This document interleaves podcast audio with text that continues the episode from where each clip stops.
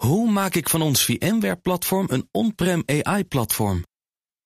Lenklen, NVIDIA AI Enterprise Partner. Lenklen, betrokken expertise, gedreven innovaties. BNR Nieuwsradio. Digitaal. Joe van Buurik. Welkom bij BNR Digitaal. De strijd om de huiskamer wordt gestreden door Netflix en Disney Plus. Om nog maar even twee van de bekendste streamingplatforms te noemen. Maar welke nieuwe series maken nu de meeste impact? Dat analyseren we zo meteen. Nu eerst. Het internet wordt veelal veilig gehouden door vrijwilligers. Die jagen op kwetsbaarheden in software. Zoals de mensen van het Dutch Institute for Vulnerability Disclosure, oftewel DIVD. En laat die stichting nou juist een nieuwe internationaal georiënteerde entiteit hebben opgetuigd. En dat is CSERT.global. Om ons te vertellen waarom we die keihard nodig hebben, hebben we vandaag Ewart Driehuis te gast. Hij is voorzitter van die organisatie en vandaag mijn co-host. Goed dat je er bent, Ewart. Dankjewel. Uh, leg nog even in het kort uit. Wat doen jullie nou precies als DIVD? DIVD is een club van inmiddels meer dan 100 vrijwilligers. En vanuit Nederland zoeken wij eigenlijk naar kwetsbaarheden in ja, belangrijke software die het hele internet bij elkaar houdt. Die kwetsbaarheden, als we die hebben gevonden, dan gaan we daarna het hele internet afscannen. En met onze infrastructuur kunnen we dat met een paar uur ongeveer doen. Uh, kan, kunnen heel veel anderen ook hoor, maar wij kunnen dat ook. En dan weten we ongeveer waar dat is, hè, op basis van IP-adres en geo-IP. Maar dan het laatste stapje, ja, dat is dan heel moeilijk soms. Is dan moet je de mensen die die problemen hebben gaan inlichten. En die bedrijven en organisaties en overheden, dat zij die problemen hebben. Nou, wij proberen alle drie die dingen te doen. En DIVD gaat met name over die eerste twee stappen van het proces. Dus de research en het zoeken naar de problemen. En zij melden dat dan ook in Nederland. En, en de rest van de wereld, ja, daar moet het ook gemeld worden. Ja, hey, en voor de goede orde, het is belangrijk om die kwetsbaarheden te identificeren en aan te pakken, omdat die kunnen misbruikt worden voor cyberaanvallen bijvoorbeeld. Hè? Ja. Dat is een beetje waar het om gaat. Waarom is er dan nu die nieuwe internationale entiteit nodig om het derde punt aan te pakken, stel ik me zo voor? Ja, nou dat is omdat in Nederland zijn eigenlijk, nou de overheden zijn ons heel erg goed gezind hier. Die hebben ons eigenlijk, nee, je kan het een soort buurtvrijkaart kun je het noemen. dus wij mogen doen wat we doen. Maar scannen, dat bevindt in een grijs gebied. In sommige landen worden vanwege de wetgeving wordt dat toch meer als een soort hekpoging gezien.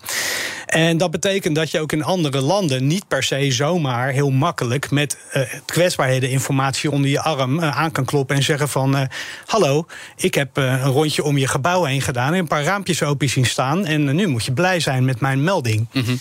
um, dat is altijd heel lastig. Dus het zorgen dat die kwetsbaarheden ook daadwerkelijk landen, dat er iemand zich daar een eigenaar van voelt en die daadwerkelijk ook oplost, dat is een hele belangrijke laatste stap in dat proces. Als je daar niet in slaagt, ja, dan weet je waar de problemen zich uh, bevinden, maar dan zijn ze nog steeds niet opgelost, is het internet nog steeds kwetsbaar. Ja. Nou, omdat dat internationaal zo lastig is, er zijn heel veel landen, heel veel verschillende wetgevingen, veel verschillende culturen.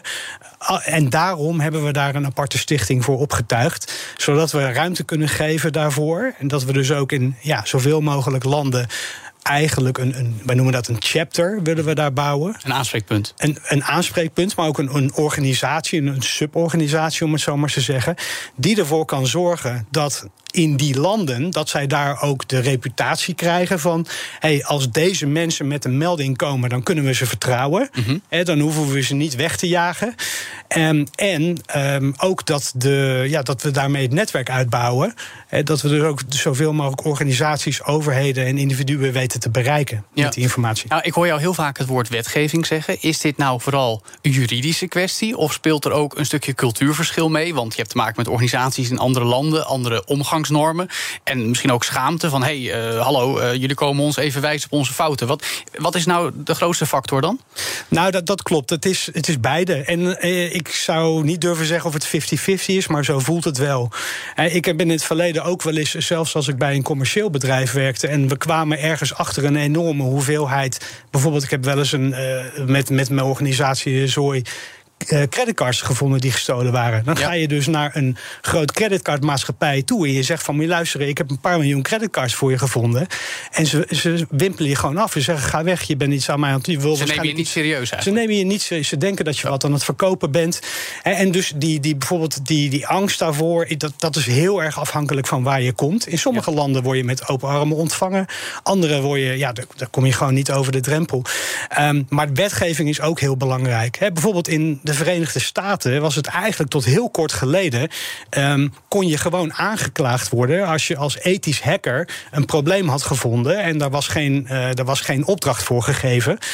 Uh, en pas eigenlijk een paar weken geleden heeft de VS de intentie uitgesproken om de ethisch hackers niet uh, te vervolgen als ze dat soort dingen doen. Dus het is heel divers. Ja, hey, uh, waarom was dit er eigenlijk nog niet? Want jullie hebben het nu opgezet, jullie gaan de wereld in. Maar de eerste qua internationale oriëntatie die dit aanpakt?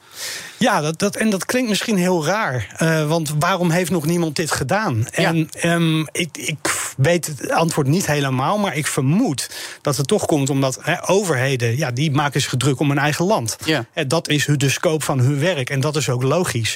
Nou, samenwerking van overheden, ja, die zorgen er toch voor dat ze uh, gezamenlijke dingen doen, maar niemand voelt zich eindverantwoordelijk voor het internet. Nee, maar we hebben toch een EU, wat op zijn minst voor Europa zou moeten betekenen dat zoiets er al zou moeten kunnen zijn uh, vanuit overheden gestimuleerd? Nou, en dat is ook zeker een pad die we willen bewandelen, hè, maar het is er nog niet. Hè. Hm. Dus mensen die proactief achter die problemen gaan aanjagen om ze echt ook over de eindstreep te trekken, ja, die, dat is er niet. Bijna geen enkele uh, overheid doet uh, proactief alles scannen. Hè. er zijn wel programma's, maar dan moet je je bijvoorbeeld op inschrijven als bedrijf of als individu. Um, en daar dus toestemming voor geven. maar niemand, ja, wij, wij scannen gewoon of je erom gevraagd hebt of niet. En wij vertellen jou dat je een probleem hebt of je erom gevraagd hebt of niet. Ja. En, en dat doet geen enkele overheid. En ook commerciële partijen, ja, die kunnen hier geen droog brood mee verdienen. En want die kunnen nogmaals, als je een rondje om iemand zijn huis hebt gelopen en een raampje open ziet staan. en je belt bij iemand aan, nou dan, dan trekken ze niet direct de portemonnee open. Dan roepen ze: ja, hallo, wat ben je? Ben jij een inbreker? Ben jij, wat doe jij hier? Maar dit komt dus ook omdat jullie de DIVD zijn, weet je wel, uh, uh, institutie ook nu door de Nederlandse staat gesubsidieerd, weten we sinds afgelopen winter. is dat in andere landen dan niet? Zijn er geen in ieder geval andere Europese of westerse landen die ook een evenknie van de DIVD hebben om dit soort problemen aan te pakken? Nou, er zijn wel natuurlijk organisaties van vrijwilligers voor allerlei redenen die proberen het internet beter te maken. Of dat nou is met het afspreken van standaards, of dat nou het, het delen van dreigingsinformatie is die zijn er. Maar echt uh, organisaties die proactief kwetsbaarheden uh, najagen die kennen wij niet, nee. Nee, nou ja, dat is toch opvallend. Uh, is dat dan niet Nederlands, dat we dat hier wel serieus nemen? Dat jullie, er is natuurlijk ook hard gelobbyd door de mensen achter DVD. Uh, onder meer Victor Gevers, bekende ethisch hacker... die natuurlijk ook een centrale rol in speelt. Uh, doen andere mensen in andere landen zoals jullie niet genoeg hun best? Of krijgen ze de kansen niet? Heb je daar wel eens gesprekken over met andere clubs in andere landen? Nou, ik, dat is een goede vraag. En ik denk dat er, dat er twee redenen zijn waarom dit goed werkt in Nederland. En de reden één is dat wij inderdaad dus... die die samenwerking met de overheid hebben. Hè. Dus de overheid is een geweldige partner in en inderdaad subsidieert ook. Eh, en dat betekent dus dat wij, want we hebben natuurlijk best wel veel kosten. We hebben die platforms het scannen. Wij moeten een heleboel communicatie doen. Wij moeten, eh, allemaal, we moeten naar, naar plekken heen reizen enzovoort. Dus dat kost allemaal geld, dus dat is fantastisch. Maar ja, het tweede is inderdaad ook dat Victor Gevers, maar ook Chris van het Hof, Astrid Oosterbrug, de drie oprichters van DVD, ja, die zijn ook, ja, dat zijn Nederlanders. Waren die in België? België geboren. Nou ja, dan had, had het zomaar eens BIVD kunnen zijn. Ja, ja, ja. maar dat zijn wel de twee factoren. Ja. Tot slot nog heel kort. Uh, jullie presenteren je nu aan de wereld als uh, Caesar.global. Nou, het einde van dat woord zegt het eigenlijk al. Jullie zijn volgende week op de grote security conferentie RSA in San Francisco. Wat gaan jullie daar doen? Nou, wij gaan daar praten sowieso. Wij hebben fans over de hele wereld inmiddels. En bijvoorbeeld, we hebben ook fans eh, in de VS. Dus eh, bijvoorbeeld, we hebben ook uh, giften gekregen vanuit de VS. Um, en we gaan natuurlijk ook met die mensen praten over wat wij met hun geld hebben gedaan. Maar wij gaan ook nieuwe vrienden maken. Wij gaan overheden ontmoeten. Um, met andere woorden, wij gaan vrienden maken en een nieuw netwerk bouwen. Digitaal. En dan gaan we door met de volgende strijd, maar dan meer in de entertainmenthoek. Want we gaan het hebben over wat liefhebbers van fantasierijke televisieseries afgelopen weekend hebben gedaan. Namelijk kijken naar Netflix, waar het nieuwe vierde seizoen van Stranger Things verscheen. En tegelijkertijd op Disney Plus de lang verwachte spin-off van Star Wars, Obi-Wan Kenobi. Voor wie die franchises helemaal niet zeggen, beide series hebben direct de kijkcijferrecords voor die streamingplatforms verbroken. En dus kunnen we ons afvragen: gaan we met dit zware geschut spreken van een nieuwe fase in de strijd tussen de streamers? Die vraag stellen we onder meer aan Thijs Schrik, serie-recensent bij onder meer NRC. Dus Thijs, heb jij dit hele weekend ook zitten binge-watchen? Nou, ik mocht al wat dingen vooraf kijken. Dus oh, kon, jij wel? Ik kon een weekend eerder al binge-watchen. Ja, ja en gedaan dus? heb ik ook gedaan, ja. Van Stranger Things heb ik ook een recensie geschreven. En uh, Obi-Wan heb ik wel gewoon als een uh, normale consument bekeken, zeg maar. Ja, precies. Ja, ja. En jij was van allebei net zo onder de indruk als de kijkcijfers doen vermoeden?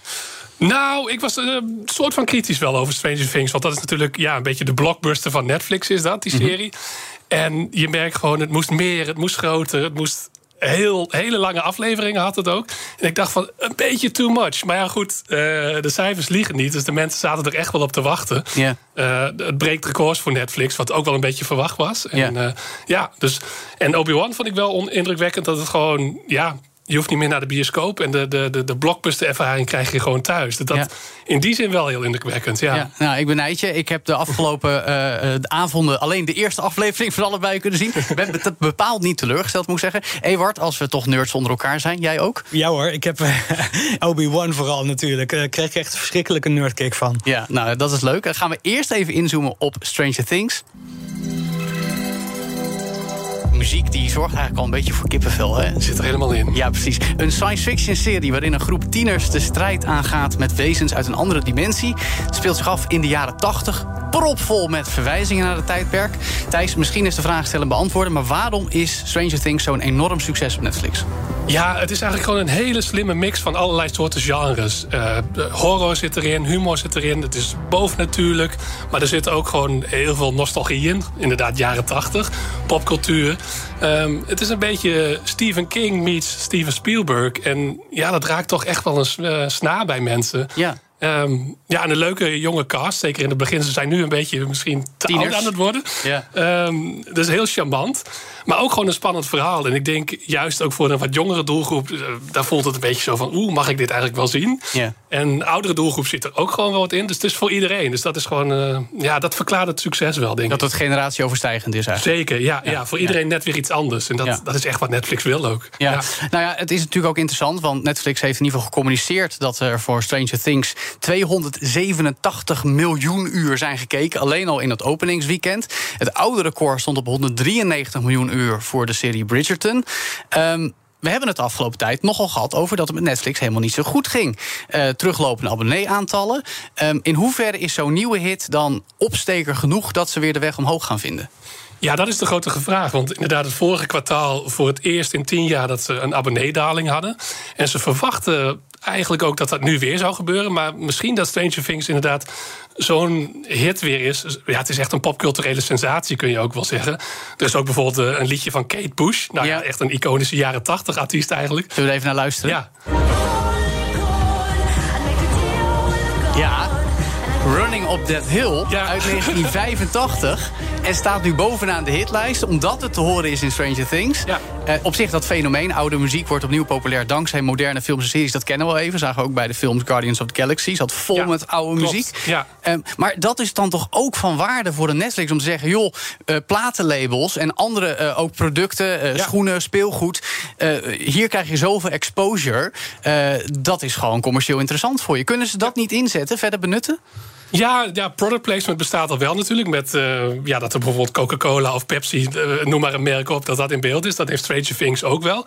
Ehm, en dat is wel een van de dingen waar ze ook over nadenken. Dat ze gewoon meer. Ja, ze verkopen nu nog geen advertenties bijvoorbeeld. Maar eh, vorig kwartaal hebben ze wel gezegd van ja, dat moeten we misschien toch maar doen. Dat we bijvoorbeeld een goedkoper abonnement gaan aanbieden. En daar dan ehm, ja, moet je wel advertenties bekijken. Maar hebben ze dat nog nodig als ze al deze product placement kunnen doen? Want dat slaat gewoon aan. Dat zien Ja. we in de hitlijsten. Ja, nou, ik denk dat ze het wel nodig hebben, want Wall Street eist gewoon veel van Netflix. Eh, en ze zijn, ja, want eh, ze zijn gedaald, maar ze zijn nog altijd de grootste. 220 miljoen abonnees wereldwijd, volgens mij. En als ze dan iets hebben wat iedereen echt wil zien, dan komen al die mensen er ook wel naartoe. Nu is de vraag, willen ze ook blijven? Ja, want uh, ja. dat is de vraag. Ewart. Ja, de, de, CEO van, uh, van Netflix heeft wel eens gezegd dat hij voor dat soort dingen heel erg kijkt naar Epic Games. En met name naar Fortnite. En want Fortnite is echt een smeltkroeg van, kroes van allerlei soorten uh, intellectueel eigendom. Wat daar allemaal een plekje krijgt dwars door elkaar zonder dat het een zootje wordt. Ja. Um, en hij heeft dus ook wel eens gezegd van ik concurreer niet met televisie, ik concurreer niet met andere media, ik concurreer met Epic. Ja, nou ja, die smeltkroes van IP's, dat is natuurlijk hartstikke waardevol. Daar is Netflix sowieso koning in. Als we dan kijken naar wat ze nog meer zouden kunnen gaan doen. Hè. Ik bedoel, we hebben Stranger Things dus, we hebben Bridgerton net al genoemd. Ze hebben natuurlijk een heleboel Netflix originals. Um, wat kunnen ze nou doen om vooral hun eigen IP's nog meer naar de voorgrond te trekken... en, en daarmee in ieder geval toch weer in het positieve te blijven, denk je? Ja, ik denk dat ze gewoon ook wel vertrouwen moeten hebben in hun makers. Dat ze gewoon voldoende vrijheid blijven geven. Want bijvoorbeeld de grootste hit van vorig jaar, Squid Game, kwam uit Zuid-Korea. Mm. Niemand zag was dat aangekocht, hè? Ja, was aangekocht. Dus niemand zag dat eigenlijk aankomen. Er werd ook amper reclame voor gemaakt. En opeens, dat raakte een snaar. Want uh, ja, dat werd een sensatie. En ook dankzij social media ging het helemaal los. Maar dat is ook zoiets van... Ja, dat, dat was een originele serie. Dat was niet zo van... Uh, vanuit het algoritme bedacht bijvoorbeeld. Want dat is de kritiek wel eens op Netflix. Van ze kijken zo naar die cijfers van wat mensen leuk vinden, wanneer haken ze af. Dat ze soms niet al te origineel meer durven zijn. En ik denk dat ze gewoon, gewoon die risico's moeten blijven nemen. Ja. Maar goed, aan de andere kant, ja, het is een commercieel bedrijf. En um, dat heb je vaak met ja, Stranger Things is een soort blockbuster, zoals je vroeger blockbuster films had. Ja. Ja, je had natuurlijk ook die, de films die altijd maar doorgingen. Rocky 1, Rocky 2, Rocky 3, noem maar op. Ja. Um, en dat is een beetje de balans die je, die je moet houden. Van dat je de crowdpleasers hebt. Maar ook gewoon originele, spannende dingen blijven maken. Waardoor mensen inderdaad erover blijven praten. En dat je die gratis reclame krijgt. Bijvoorbeeld op social media. Wat bij een serie als Stranger Things gewoon uh, heel goed gaat. Maar ja, dat is, dat is wel makkelijker gezegd dan gedaan hoor. Ik denk, maar uiteindelijk gaat het allemaal om de content. Hoe goed die content in elkaar steekt. Ja, Nou ja, over bekende franchises en daar alsmaar mee doorgaan gesproken. Star Wars dan. Of beter gezegd, de spin-off, de serie Obi-Wan Kenobi. Zeker vijf jaar in ontwikkeling geweest dan ook weer even een apotheose momentje. Want afgelopen vrijdag dus gelanceerd. Nadat Star Wars fans de afgelopen jaren eigenlijk misschien niet heel happy waren met wat er in de bioscoop te zien was. Met de films en ook de series. Een beetje gemengde reacties met The Mandalorian en vooral de Book of Boba Fett. Maar Obi-Wan Kenobi nu ook al de grootste kijkcijferhit voor Disney Plus ooit. Hoe belangrijk is de Star Wars IP nog voor Disney, Thijs? Ik denk dat het heel belangrijk is. Misschien hun allerbelangrijkste uh, is natuurlijk Marvel. Dat zijn de superheldenfilms, de Iron Mans, de Black Panthers, noem maar op. Die doen het ook heel goed in de bioscoop nog. Maar Star Wars heeft ook gewoon een gigantische uh, fan fanschare... die heel fanatiek is en die gewoon um, ja, de ene naar de andere serie wil zien. En wat wel lastig is, inderdaad, je zei die films die zijn wat minder ontvangen. En ja Um, die series ook van, ja, het zijn ook hele kritische fans die er zijn. En die zijn niet altijd even blij. Maar ik denk, ja, zo'n Obi-Wan, dat is dan een iconisch karakter uit eerdere films. En ja. Ewan McGregor, een hele grote acteur, die keert dan terug in die rol. Um, ja, het ziet er wel heel mooi uit. En het, het is heel belangrijk, want um, ja, daar verkopen ze ook weer andere dingen op. Daardoor gaan ze mensen ook naar de pretparken. En het is een stukje cultureel erfgoed, hè? Al meerdere, nee, bedoel, Stranger Things heb je het over generatie overstijgend. Star Wars ook. Uh, Ewart, kijk jou aan. Star Wars fan? Ja, ja, heel Nog erg. steeds? Ja, ja, ja. Ik heb ook uh, van die Lego-schepen van Star Wars heb ik, uh, zeg maar in mijn werkkamer staan. Kijk, goed, dat zegt genoeg. Dat mag je niet verder vertellen trouwens.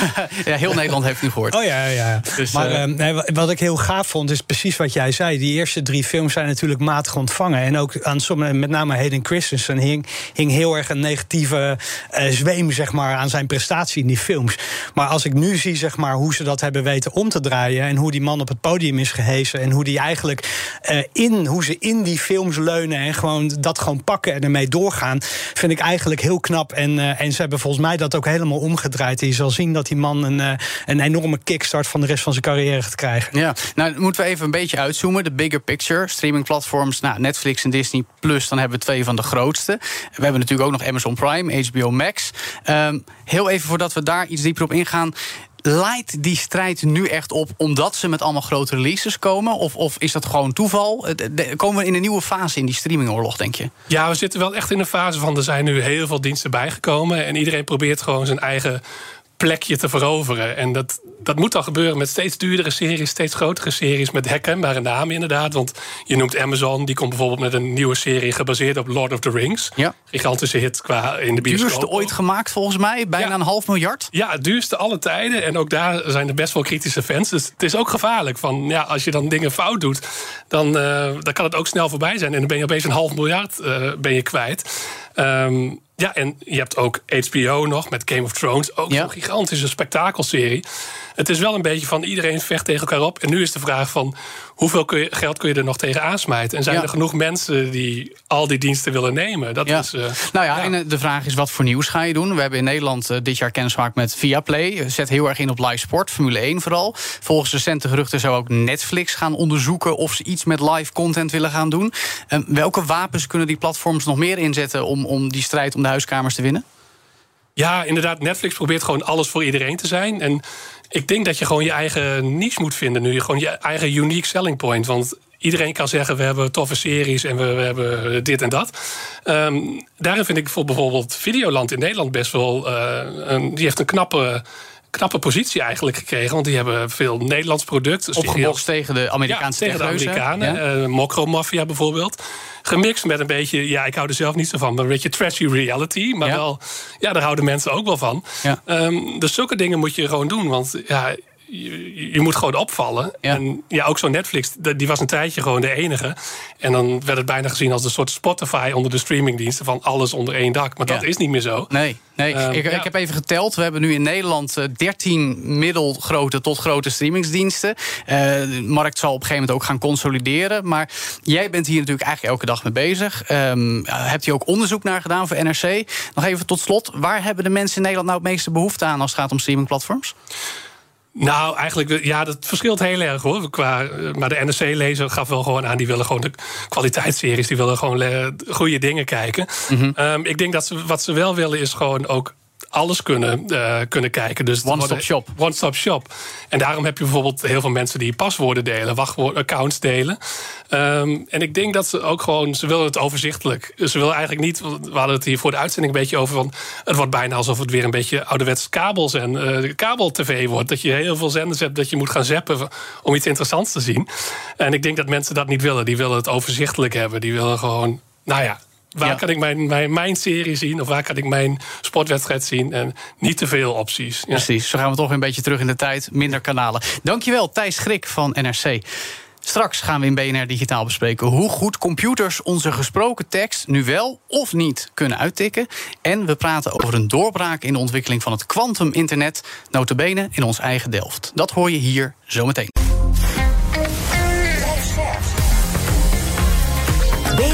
Nieuwsradio. Digitaal. Joe van Buurik. Welkom terug bij BNR Digitaal. Straks gaan we het hebben over een wereldprimeur vanuit Delft bij QTech. Het is onderzoekers daar namelijk gelukt om informatie over een kwantumnetwerk te teleporteren. Maar nu eerst. Laat mij maar even. Met vandaag in de studio collega Stijn Goossens... als redacteur verantwoordelijk voor eye-openers bij BNR...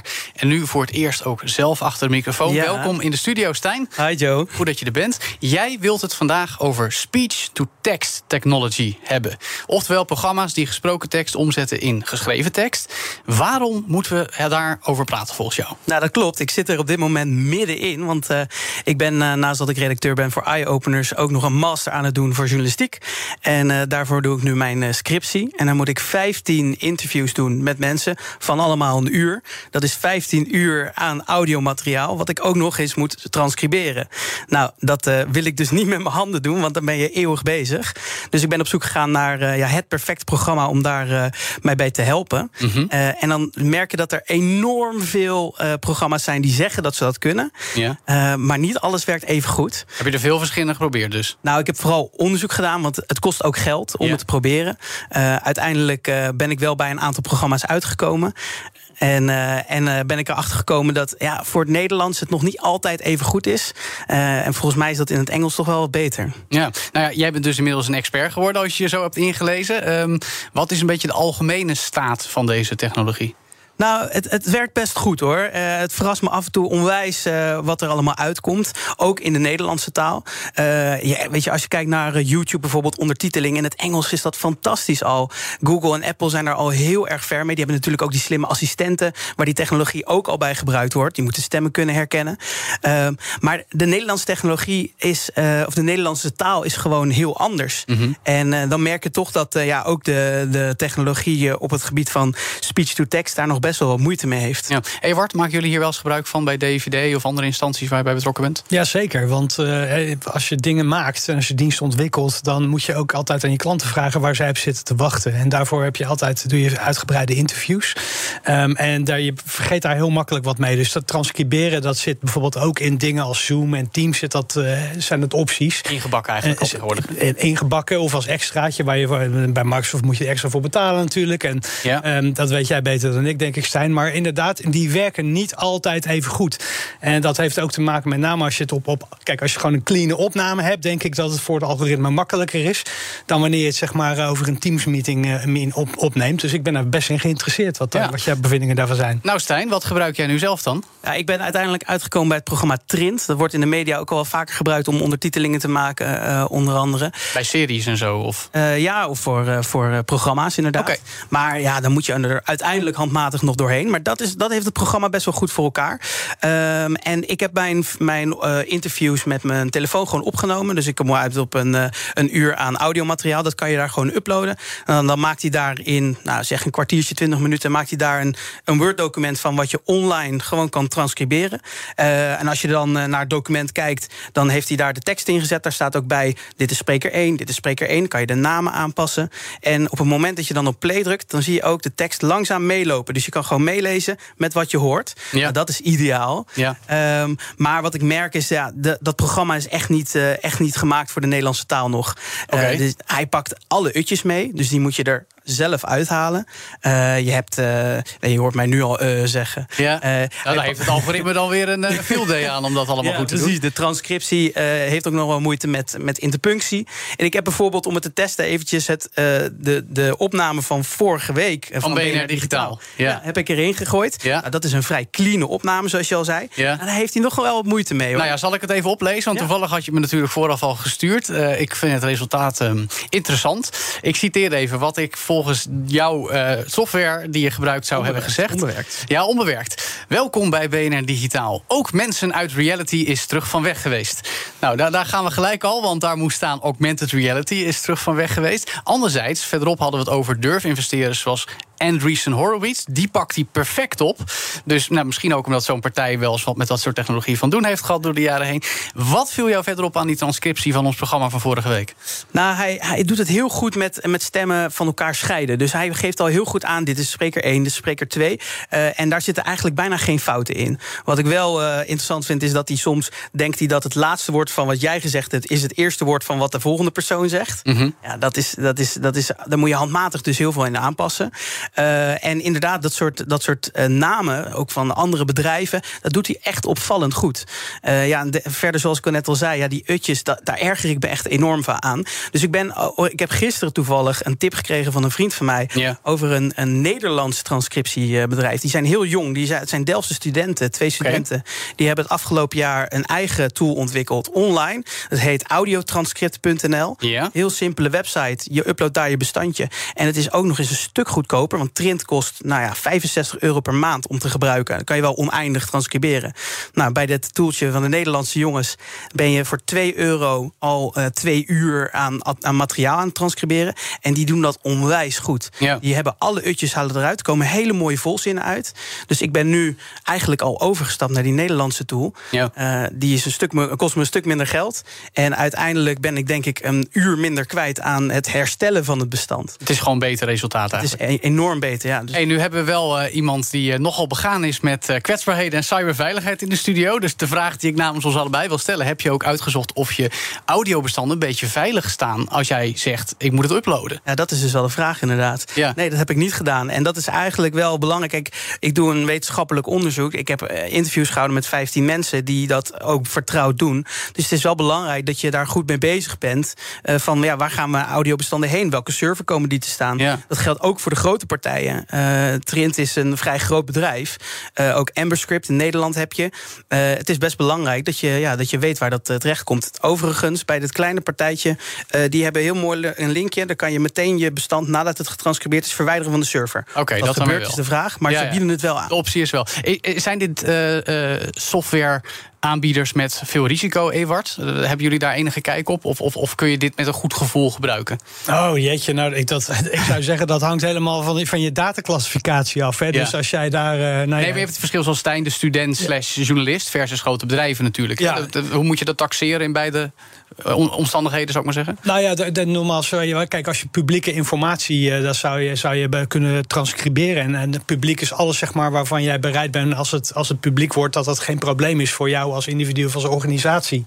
Um, en als het uh, vertrouwelijk of confidential of, of NATO Cosmic Top Secret is. Mm dan zou ik het niet doen. Maar dat soort instanties die op zo'n topgeheim werken, of misschien niet topgeheim, maar toch een bepaalde mate van klassificatie, die gebruiken dan ook wel een heel ander soort tools waar ze flink voor afrekenen, stel ik me zo voor. Dat zijn ja, De, de, de, de softwarepakketjes waar Stijn en ik bij gaan. Nee, absoluut. Die knippen daar al, dat, dat doen ze helemaal niet. Hè? Dus die, eh, die zetten daar desnoods liever nog twee personen tegenaan die dat, eh, die dat gewoon intypen. Ja hoor. Ja. En want dat, uh, daarvan, daar, ja, daar kan je zeker screenings op loslaten op die mensen. En daarvan weet je dat ze een bepaalde integriteit hebben. Ja, nee, dat scheelt Hey, uh, Stijn, we kunnen natuurlijk allerlei toepassingen bedenken. Natuurlijk jouw onderzoek hè, uh, voor journalisten is sowieso handig, voor psychologen. Ja. Um, kan me ook voorstellen, bijvoorbeeld uh, communicatie met voice WhatsAppjes. Ja. Dat het ook handig voor is. Gaan, gaan, gaan we dat daar ook zien volgens wat jij een beetje hebt bekeken? Nou, ik verwacht wel dat bijvoorbeeld WhatsApp inderdaad, als jij een voice memo stuurt, dat je op een gegeven moment daar gewoon een automatische transcriptie van kan krijgen. Ja. Maar ook bij ons bij BNR, wij maken podcast onder andere. Hoe mooi zou het zijn als die automatisch getranscribeerd zijn, waardoor ze super makkelijk te doorzoeken zijn. Ja. Misschien gebeurt het wel al. Uh, ik denk dat dat echt wel de toekomst wordt. Ja. En uh, nou, Google en Apple zijn op dit moment ook echt actief bezig met deze technologie. Google heeft bijvoorbeeld een bril, een augmented reality bril, die automatisch uh, een vertaling maakt van wat de ander zegt. Dat ja, die hebben ze onlangs getoond he, in de demonstratie. Bij, ja. bij Google I.O. Dus ik, ik, zie dat daar wel heel veel potentie ligt. Maar de, de taalherkenning mag van mij nog wel een klein stukje beter. Ja, in ieder geval in het Nederlands, maar dus ook in het Engels nog wel. Ja, ja, ja op YouTube is het ook nog niet allemaal, allemaal ideaal. Nee, precies. Dankjewel, Stijn Goosens. Blijf er nog even bij. Joe van Buurik. Want Teleportatie behoorde voorheen tot het domein van Star Wars en andere science fiction series, zoals nu te zien op streamingplatforms. Hoorde je hier ook in BNR Digitaal. Maar nu kan dat ook echt. Tenminste, dat is onderzoekers van QTech in Delft gelukt. Het teleporteren van informatie in een netwerk van drie quantumcomputers. En dat is een wereldprimeur.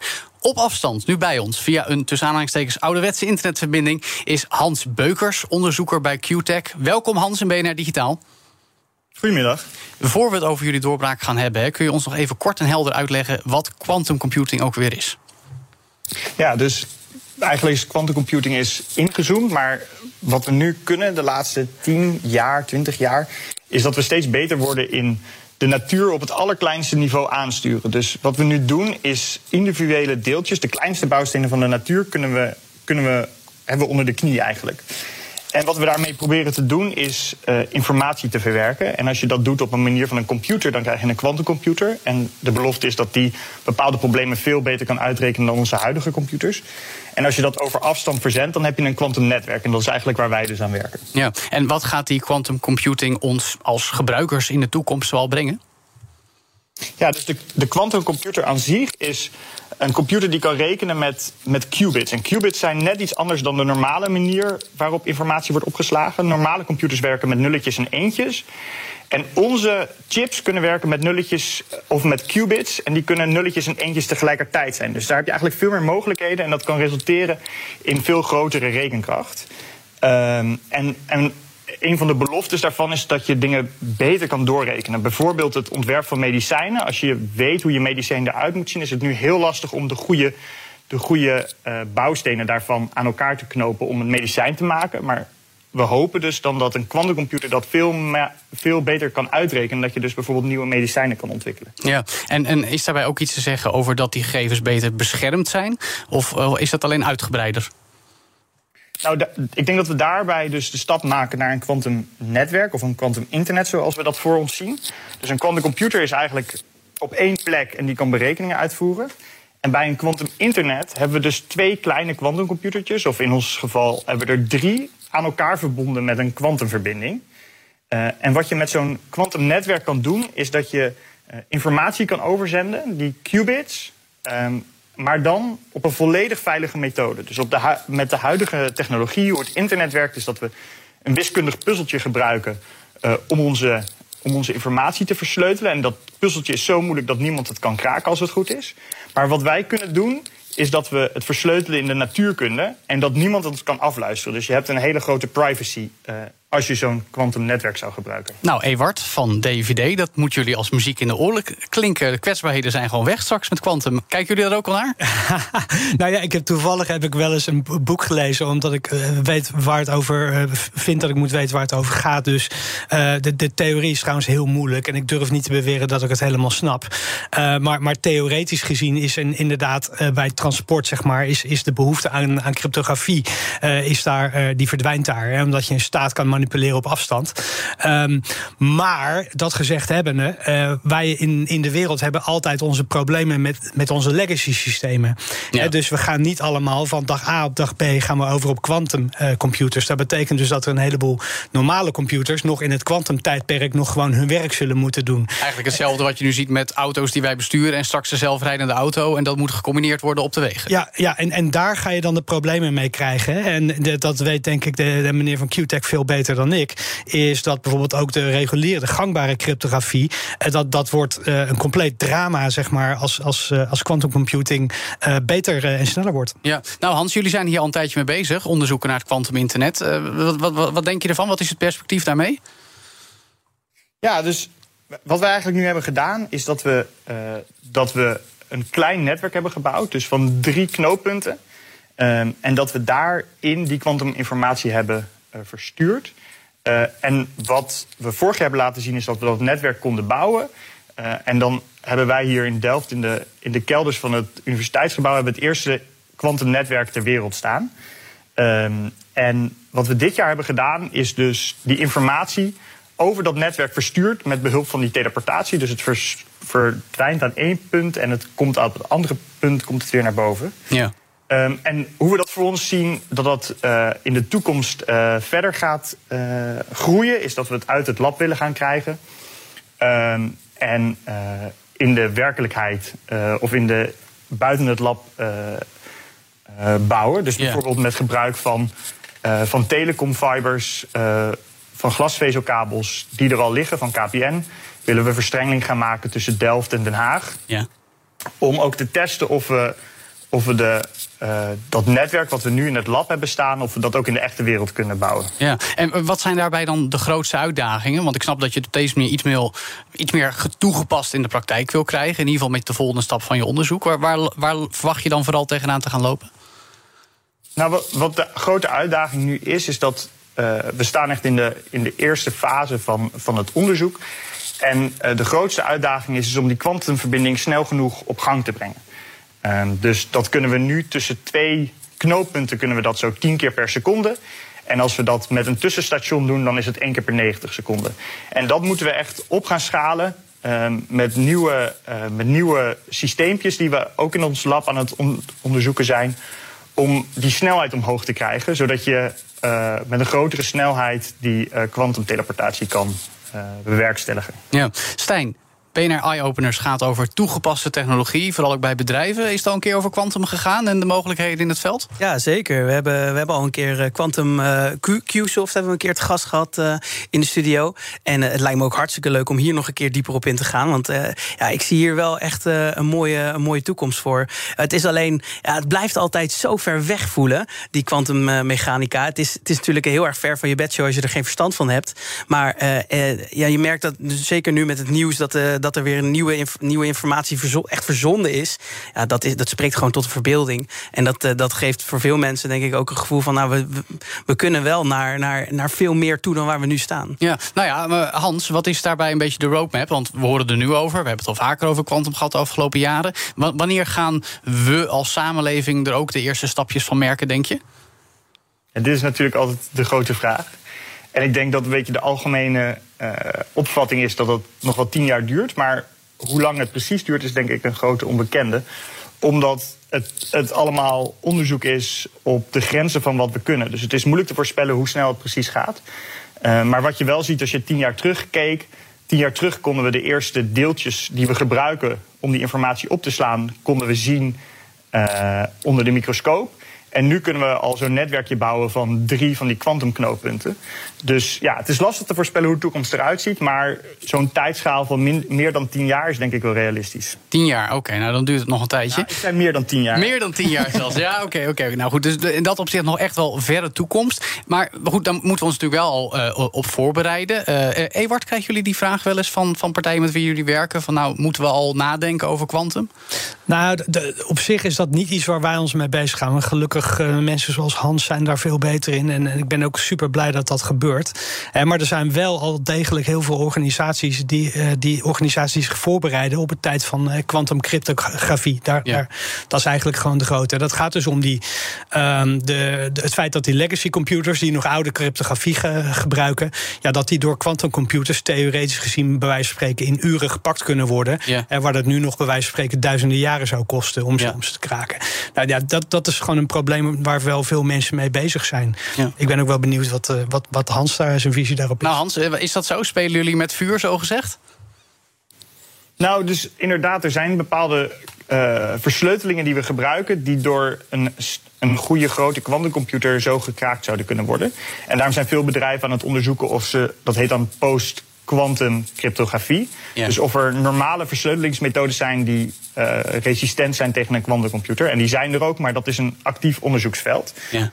Um, en ik denk wat, wat het gave is eigenlijk dat ons kwantumnetwerk dus uh, op deze schaal nog niet, maar stel dat wordt een groot kwantum internet, dat je juist het kwantumnetwerk kan gebruiken om die informatie uh, inherent veilig over te zenden. En dat er er is, je kan bewijzen dat er geen methode is om dat af te luisteren. Dus het is ook niet zo dat er dan een nieuwe truc gevonden kan worden, maar je versleutelt echt je informatie in de natuur.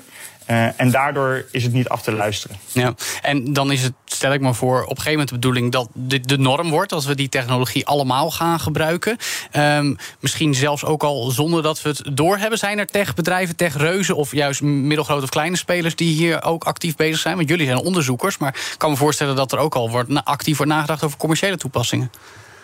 Ja, dus er zijn al commerciële toepassingen over die kwantumcryptografie. Al zijn dat nog wel beperkte systemen en dan niet in een netwerksysteem, uh, maar als een directe link. Um, dus dat zijn al eigenlijk, uh, maar dat staat allemaal nog ook in de, in de kinderschoenen.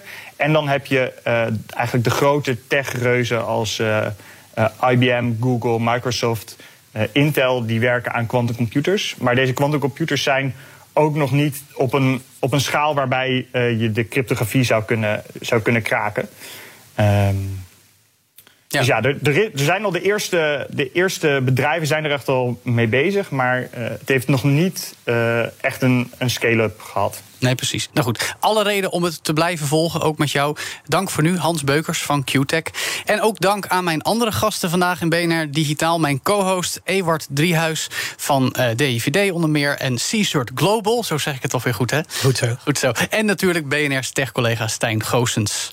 Tot zover. BNR Digitaal. Je kunt dit programma terugluisteren via bnr.nl, onze app of via de podcast-app die jij gebruikt. Daar vind je ook andere podcasts over technologie, zoals de Tech Update, waarin we je tweemaal per dag het laatste technieuws brengen.